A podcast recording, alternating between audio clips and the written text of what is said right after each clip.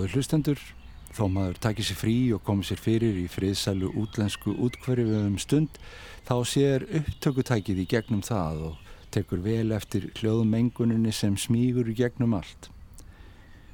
Fyrir varir tekur maður eftir þessu sjálfur og skellir á eftir sér til að komast inn í friðsældina. En gætir þess þó að hafa opið hínum einn svo að fuggla söngurinn heyrist áfram.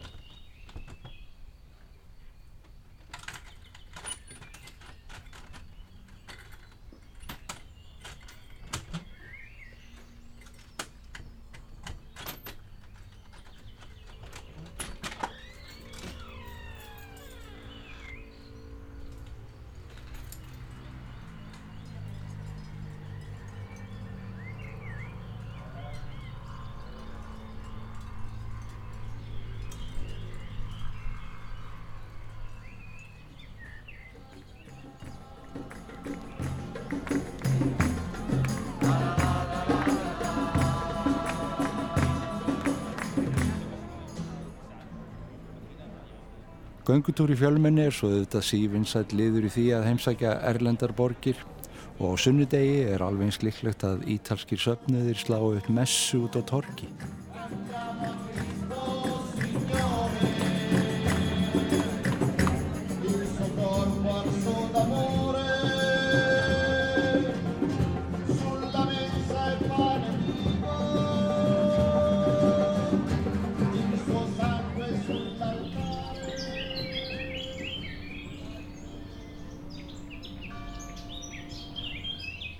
Lítil hljóðmynd frá Ítalíu góður hlustendur. Þar lendum við fjölskyldan í íslensku sömarveðri á meðan hlínaði svo ummunnaði heima á fróni. Það helli ringdi til að mynda þegar við heimsóttum fenegar en við gáttum hlýjað okkur og þurkað föttin okkar í falleri innsetningu í íslenska skálanum þar sem að sjópliftir er með gríðarlega skemmtilega síningu. Og rygningin kom ekki að sög því að tvíæringurinn góðir að miklu leiti innandira og síningin meir þú lifa á aðteklisverðum tímum og allir ekki vonbriðum. Þar var áhrifamikil innsetning Japanans Ryoshi Ikeda.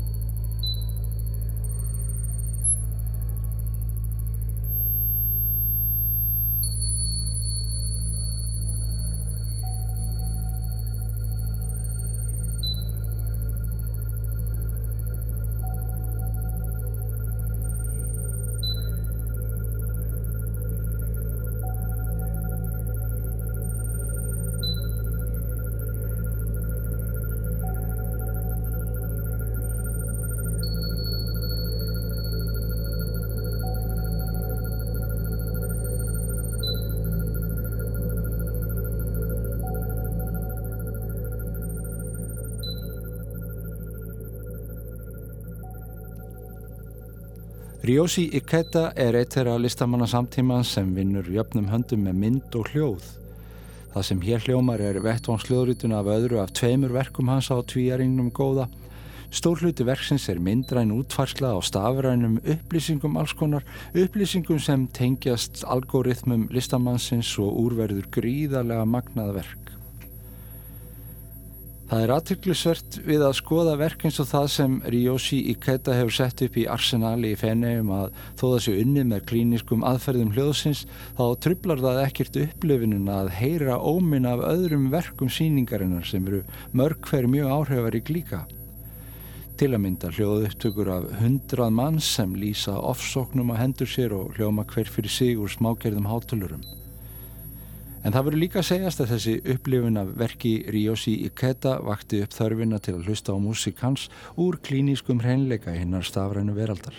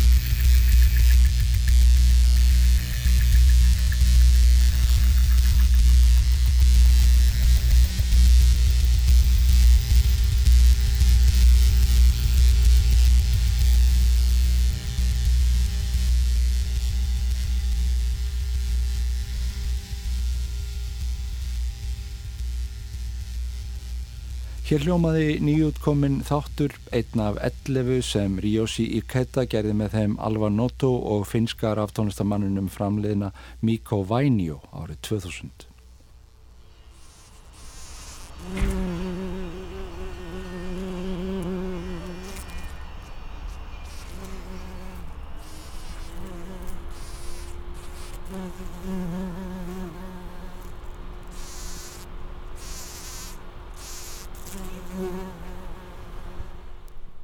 Það var íslensk bífluga sem tók á mót okkur eftir ferðalagi til Ítalju. En við tökum á móti góðum gesti hér og nú.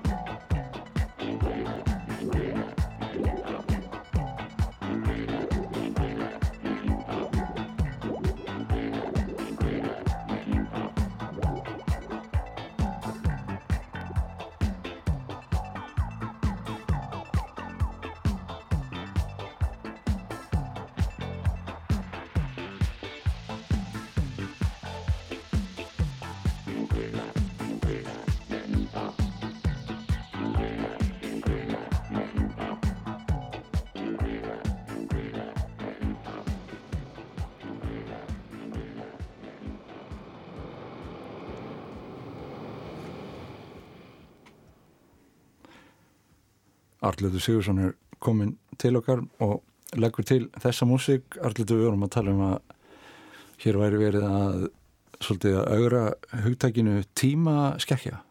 Jú, það, það er en þessi, þessi uh, músík hún fór að eila forgörðum Já. á sínum tíma þegar hún kom út uh, 79-80 Mm. og þetta þótti svona já, einhver, einhverja hluta vegna róf geggjað fyrir, fyrir disco heiminn á þessum tíma. Þetta er, þetta er líka svolítið pöngað. Og geggjað, það eru ítalera öskra á mann. Ég veit fátt skemmtilega nema þegar ég var í Þýskaland um daginn þar sem ég kefti þessa plötu í Hamburg. Já. var mikið fyrir lend og, og, og þjappað inn inn í bíl eitthvað svona rútu sem kerði okkur á flugvillin og það var öskrandi þjóðverji sem náttúrulega öskraði bara á þýsku. Og það er svo gaman að láta sko, þjóðverja og, og, ítala öskra á sig. Ég veit ekki hvort það hafi eitthvað að gera með einræðisherna það er eitthvað spennandi við það. Já. Já. Finnst þú verið að komin svona í miðju stormsins þegar verið að á þig í útlöndum? Á, á, á tungumálinu maður bara bara brosa út eirum og þetta er svona einu nutt En þessi, þessir hafa ekki orðið vinsalir á diskotekunum. Þetta er ekki það sem að fólk var að leita þegar það var búið að kaupa sér nýjar terlinbuksur og, og nælonskýrtur með stórum kraga og, og setja sér gullkeðina. gáði líka út á sjötommu sko, eitthvað svona smella af þessu en þá voru þeir komnir í svona tóltommu lengri mix af lögunum Já, þannig að sjötomma nátti heldur ekki upp á borð þarna og fjárhagslega gekk þetta ekkit og, og hún var bara einlega svona skúfuð þessi plata já. Skúfukaka sem var bökuð mikluð. Já, þú veist, vi- vitni í texta já, þar sem að tala um að sko, þetta var svo mikil skekkja sko, að tímaskekkja að rjómin var orðin súr áður eða að búið að baka Já. kökuna. Já, það er gott að menna hafa húmor fyrir því svona eftir á sjálfur. já, Já, og það segir líka þarna at what point does the uncooked become rare já, það er erfitt að þýða þetta. Já. þetta er, nefnilega- þetta er svolítið hressindi músík einmitt Hverjir eru Um, þetta? Hva, hvaða lið er þetta? þetta eru einhverjir bandbrjálæðir ítalir með, með ímis hérna, með, með heiminu á herrum sér. Lagið heitir Inquinamento sem týðir nú lítið en, en mengun. Já, já, þannig að hún er talandi um flugskömm og svona. Akkurat. Og, og índi í Þýskalands. Þetta er, Já, ertu bugaður af flugskam? já. Ég er hættur um það. Allan að ég kom, ég kom heim með flugskömmina með mér Já, mengunar lagið Inquinamento já, uh, þessa já, en, en það í uh, á þessari plötu koma fram ímsir gestir sem kannski einhverju áherindur kannast við. Það voru það hljómsveitin Goblin sem að gerði mjög eftirminnileg uh, eftirminnilega kvikmyndatónlist við kvikmyndir Dario Argento meðal annars Mm. og var svona session band var í alls konar grubla í alls konar ólíkri uh, músík allt frá sko miðalda músík og yfir, yfir í diskóið og, og já. progressive rock framástöfnum rock og svona Mm. en, en þetta er sem sé uh, Alberto Macaro um, ásand uh, Ma- Andrea Cesare Andrea Bixio og hvort að ég, það var nú annan nafn hennar sem ég bara man ekki þetta er segjum bara Pavarotti í bili en það var platan Matfylð þetta er að plötunni Matfylð Matferð. þetta lag rakst ég á á, á, uh, á Spotify fyrir ekkert lengur síðan og svo var, var ég þarna í Hamburg Mm. og var að eyða peningunum sem frúin gaf mér. Og þegar, þegar, þegar mér var rétt þessi plata og ég setti fyrsta lagið uh, á þá, þá kom þetta lag upp og, ég sagði bara strax já og var dæmdur úr leik. En er, sko, Hamburg, er það góður vettangur fyrir svona vínil, vínil æðisbunur eins og þig? já, alveg, sérstaklega. Nú, það, einmitt ég hef spilað hérna músík frá sem sé af útgáfum sem að tengjast einmitt honum sem seldi mér þessar plötu. Allt innur annir fyrir mig ljós að, ég hafi keipt plötur með sem að hann hafi valið og svona séð um útgáfun á. Og uh, svo kallað uh, púdelprodukti sem að er sem sagt vínilútgáfur hjá Golden Pudel í Hamburg sem er svona skemmtistæður svolítið svo sirkus Já. og reyku greinlega einhverja vínilútgáfu eitthvað svona reglulega og það var hann Búti Karel sem að tróð þessu í fangið á mér og, og ég segi bara já, já, já svartkvít, nei.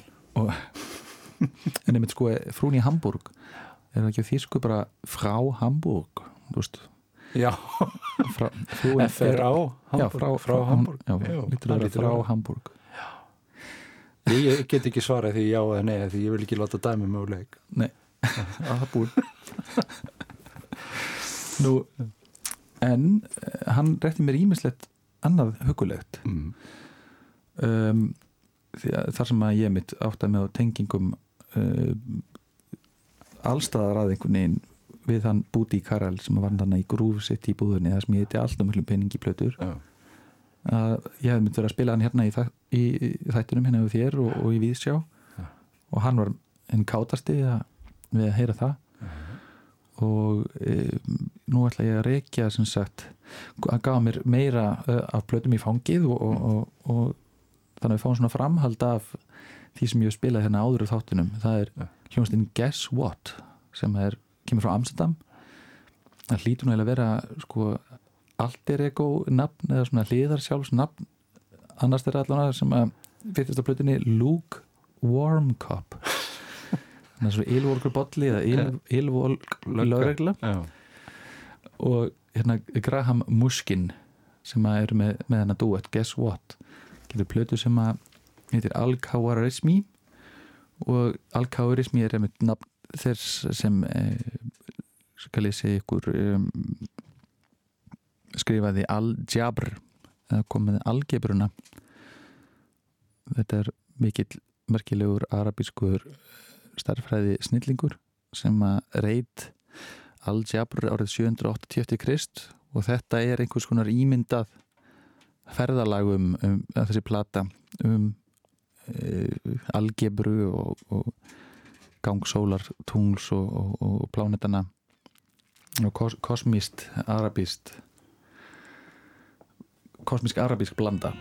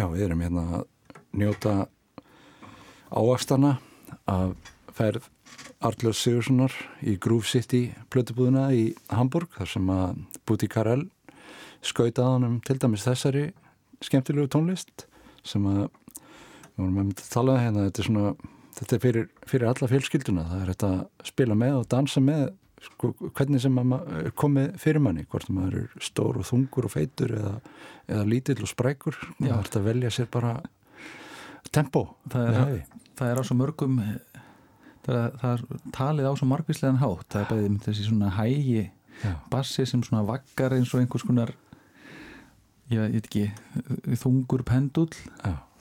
og svo þessi svona litlu e, mikrósprettir á, á, á trommunum og áslættinum sem að maður fyrir að telja þessa músík á, á margan hátt svolítið svo einhver, einhver gýrar svona, kannski er það tengingin yfir í, í algebruna. Já, það eru þarna veldisvísarnir í, í músíkin eru, einmitt. eru kannski margir. Guess What heitir hún, hljómsdinn Jú, þetta er Já. Amsterdamst dúo, þeir fóru síðan að gefa út músík líka sjálfur, sagt, þetta er uh, þeir gefa út undir sagt, Katapulti Records útgáfyrirtæki sem þeir bara ákvaðu sjálfur að að, að e, já stofnum sitt í Mm. útgáfyrirtæki og gáðu út sína einn músík og eru komið með alveg gríðlega stóran katalóg sem ég hlakka til að, að líta Já. almennilega yfir og það er annað sem þetta getur verið aldrei villandi svona við þennan hljóðheim sem er búið til að þetta er nýlegt sko. það, Já, mað, þetta gæti verið gamalt en er það ekki og það er oft með þessa gamlu músík gömul teip frá uh, Sýrlandi eins og mm. Ómer Súlímann og bara í, það er kannski eitthvað nafn sem að margir þekkja að músíkin uh, hljómar ekkit alltaf svona búðalega vel Mm -hmm. hvað slúmum segja, það er ekki mikil hágæða uh, það er ekki mikil hágæða upptökur. En svo þegar fólk fer að tilenga sinna hljóð heim í dag og, og taka upp heima á sér þá hefur það kannski ennþá meiri gæði eða hljómgæði. En láta það samt hljóma nógu bjagað Já, til þess að vera í þessum, þessum dúr, þessum anda. Já. Kaupi sér mjög dýrar. græjur til að geta gert það. Já Þetta er náttúrulega allt bara það, það er nekkit til sem að er endilega vond sound, það er bara eiginleikar. Já, er, og ég hlakka til þegar einmitt dýrasti synthesizer í heimi að- er, er komin í gegnum svo kallan bitcrusher já, það verður einhver, einhver tíman að sko að minka gæðin hvað hva mest á, á langdýrastu græjunum. Já, það er svona fara aftur í tíman eiginlega Já, Það er bestu sem þannig verða svona tímavélar. Ég, ég tek allt mitt núna upp á stálþráð og vaksfólka Já, okkur, við erum nú nógu fornir hér við að nota allan vínil. Jú, það er náttúrulega áhugavert formið líka því að ég segjum, segjum til dæmis ef að ef að netið þetta niður Já, þá virkar Spotify ekki neitt. Nei, nei. Hvað, hvað, hvað grýpur í eða verður bara net svona blackout Mhm. um, þá, þá er Spotify ekkert að ganga. Eða SoundCloud eða netið eða YouTube það sem fólk notar til þess að hlusta og, streyma tónlist.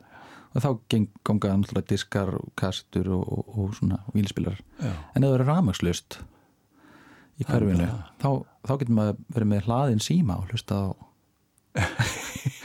á netinu. Það er kostur og galla litið með öllu þessu en, en það er kannski eitt með, með netútgáfur að ég, ég hef ekki ennþá reykist á sko 30 dag, eh, mánadar langt lag. Nei, það, var, það, það er eiginlega ómúlegt að gera á, á vínplötu. Já. Sko, mánadar langt lag á ég eftir að heyra. Það var eh, í gamla dag hérna í ríkisúturfinu þá var sko, þá voru stundum keft tvö eintök af plötum ef, ef að verkin fóru sko yfir á hina síðuna? Já, að þá var hægt að vera með annað eintæki tilbúið á öðrum plötspilara og byrja strax. Já, einmitt já, í staðan fyrir að þurfa að tilkynna hlustundum það að nú snýr teknum að plötunni við já. þá var þetta að byrja strax. Og voru ekki líka einmitt oft það sem er svona piano millispil í undirleika á einhverjum uh, klaskum tónverkum sem, að- eða arjum segjum það þá dreif píjónleikarinn að segja að spila milli spilið já, spilaði eins hratt og hann Já, sko, og hæði síðan rétt svo á sér á, áður en að- að sópranin kom inn. Einmitt. sem næsta kabla en já, frúin í Hamburg hún getur nú kannski hafa sko gefið þeim pening þarna í, í, í, í Guess What? Og þeir hefði keift sér Nei sem er náttúrulega Já. flauta. Mhm. Flautan Nei skrifað með uppsulunni þetta er munið þetta næst í að fara í frún í Hamburg að getið keift ykkur Nei. Það getið ykkur nei en það er með Það er þannig að það, já. það, þú sleppur. Þegar maður sleppur. Þetta er svona ákveðin brella. En við ætlum að, að, að, halda áfram já, við erum með eitt enn hérna. skoða hvað ég var að kaupa mér í útlöndum. Já, byttu nú við, ég man ekki hvað að- Ricardo Villalobos. Þetta er hérna Insanlar og, og Ricardo Villalobos. Alveg rétt. Kimene. Það er er eitthvað annað en Kimono. Það sem þetta er það síðasta lagið og, og ég kveð ykkur þá kannski ég segja aðeins örlítið frá þessu. Mm. það er Ricardo Villalobos ásend Insanlar sem að er grúpa því verið tyrknesk og ég vil yfir í indverk nú þessi þetta samstarf var í Insta, uh, Istanbul eh, Istanbul þeirra brasilískt uh, tyrknest uh, tyrknest suða og Vila Lópos hefur getið sér gott orð sem blötu snúður ráftönstar maður í svona á klubum í svörum heim. Einsanlar hefði ég ekki heyrt um fyrir nýs á þessa blötu en það er ansi forrætnilegur segðurinn sem að þeir náða galdra saman þannig á einum degi voru þrjár hlýðar á, á, á vínil já, og já, frún í Hamburg hefur, hefur já, sagt, sagt sitt. Já, hefur sagt já og nei já, já og nei. Í svart kvitu endum á Insanlar og Ricardo Villalobos. Takk fyrir þetta. Allir durfi hlokkum til að heyra í þér. Þú kemur frá útlöndum næst. Takk fyrir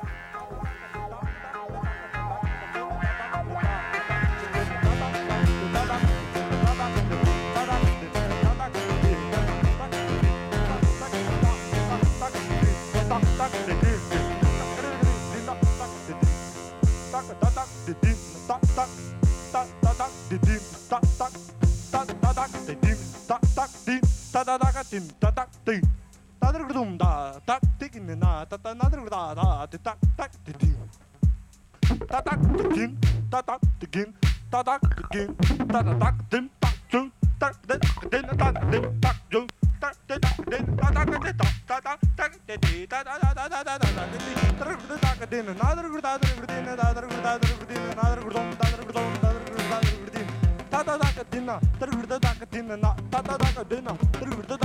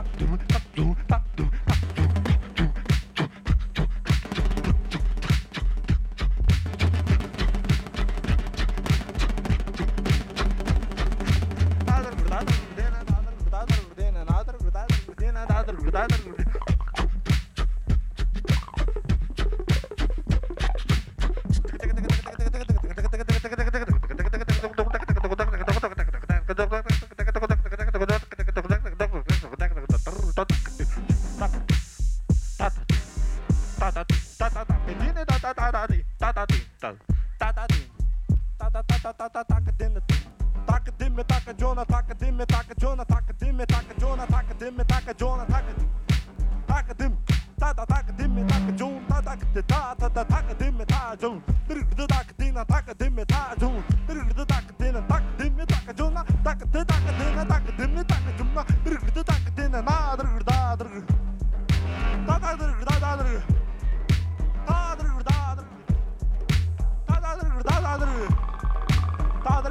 ردينا نعذر ردادر ردينا دادر ردادر ردينا نعذر ردادر ردينا دادر ردادر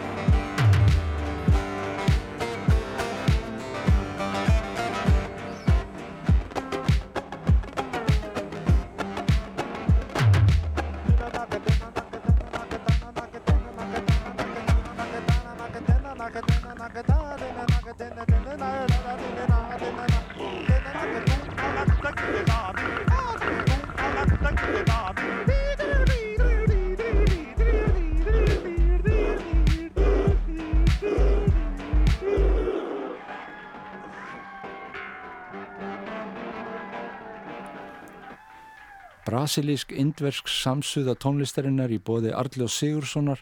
Þetta var soðið og eimað á einum degi hjá þeim Insan Lar og Ricardo Villolopos. En fyrir nokkru heyrðum við liðsmenn hljómsveitarinnar ADHD lýsa nýju plötunni sinni ADHD 7 í þessum þætti. Þá var nú ekki tölvið vittlesan og eitt af því sem við Óskar Guðjónsson vorum að velta fyrir okkur þá voru væntingar tónleikagesta til listafólks sem þeir fara að heyra og sjá. Það er nú, nú nýbúið að vera að vitna eins og alla heimir sem að, sem að spurði bara almenningur, hver er það? Ég þekki hann ekki. en eh, það var mitt eftir í hug með, sko, að því þið túri mikið og, og spilið víða, eru þið farnir að þekkja svona ykkar fólk? Áttið ykkur á væntingum? Þetta er, þetta er góð stúdíá, ég er ekki vissum að maður gerir sig grein fyrir þessu í einhverju svona almennu samhengi en það sem ég kannski tók bara eftir þegar við fórum á okkar fyrsta túr er það að maður tók eftir í að þegar þú mætir í einhvern jazzklub í Þýskalandi sem er búin að vera opinn í x mörg ár, 10-20 ár eða og þar er til staðar starfsfólk sem tekur á móti sko, spilur um á hverjum degi og er hérna með sín hljóðfæri og græjur og allt til alls að svo mætir inn fólk sem er kannski vandi að koma einu sinni viku eða oftar inn á sinn klúb að hlusta á músík allt í hennu verður stemmingi bara allt öðruvísi heldur en þegar að þú hér á Íslandi uh, tekur þátt kannski einhverju tónleikaröð er að býr til tónleika eitthvað stað sem enginn áttu vona á einu svona ári eða hvað oft sem það er það verður bara til einhver hlustun vegna þess að fólk er komið á sinn stað mm. veit að hverju það gengur og er kannski setur kannski bara upp á hvernig kröfur líku við sko.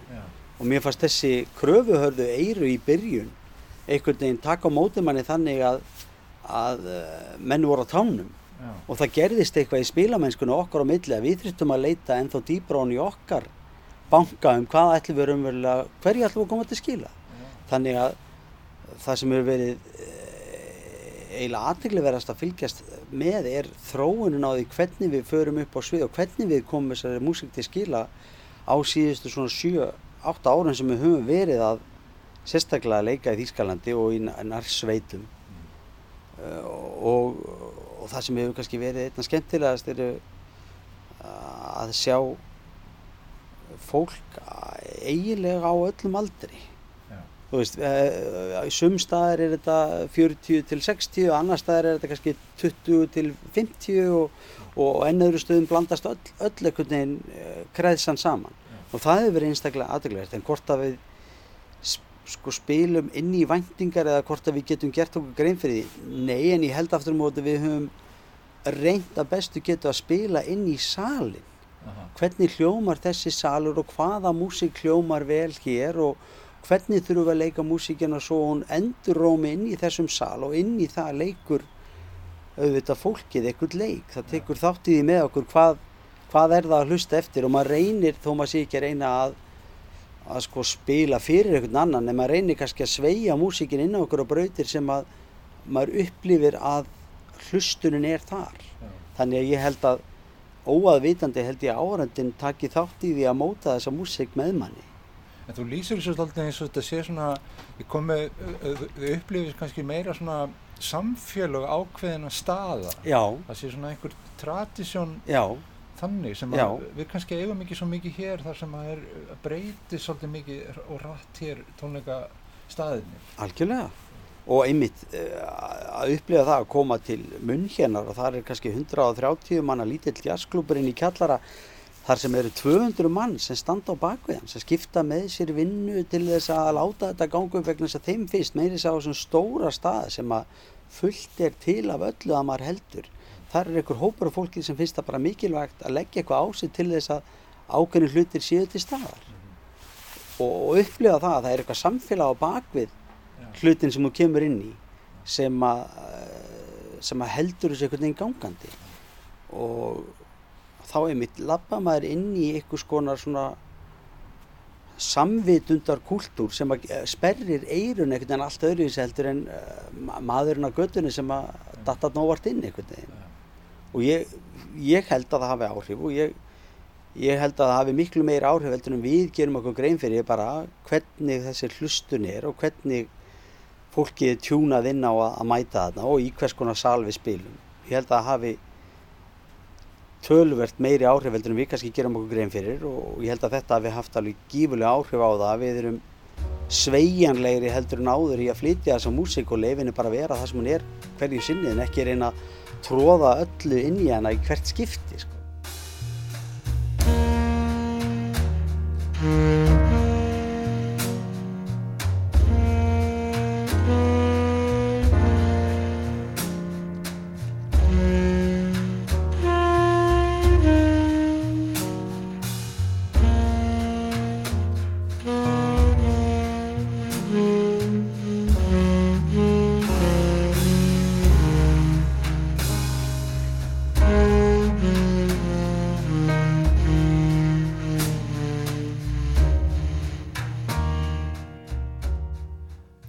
Músikinni að vera það sem hún er og reyna ekki að tróða öllu inn í hana í hvers skipti. Þokkalegt ráð fyrir þá sem búa til músik. Óskar Guðjónsson ræða samfélag tónlistar áhuga fólks og hvernig þau hafa áhrif á tónlistarfólkið sem heimsækir þau. Háttalarunum líkur á Róró af nýju plötunni frá ATHT. Takk fyrir að hlusta.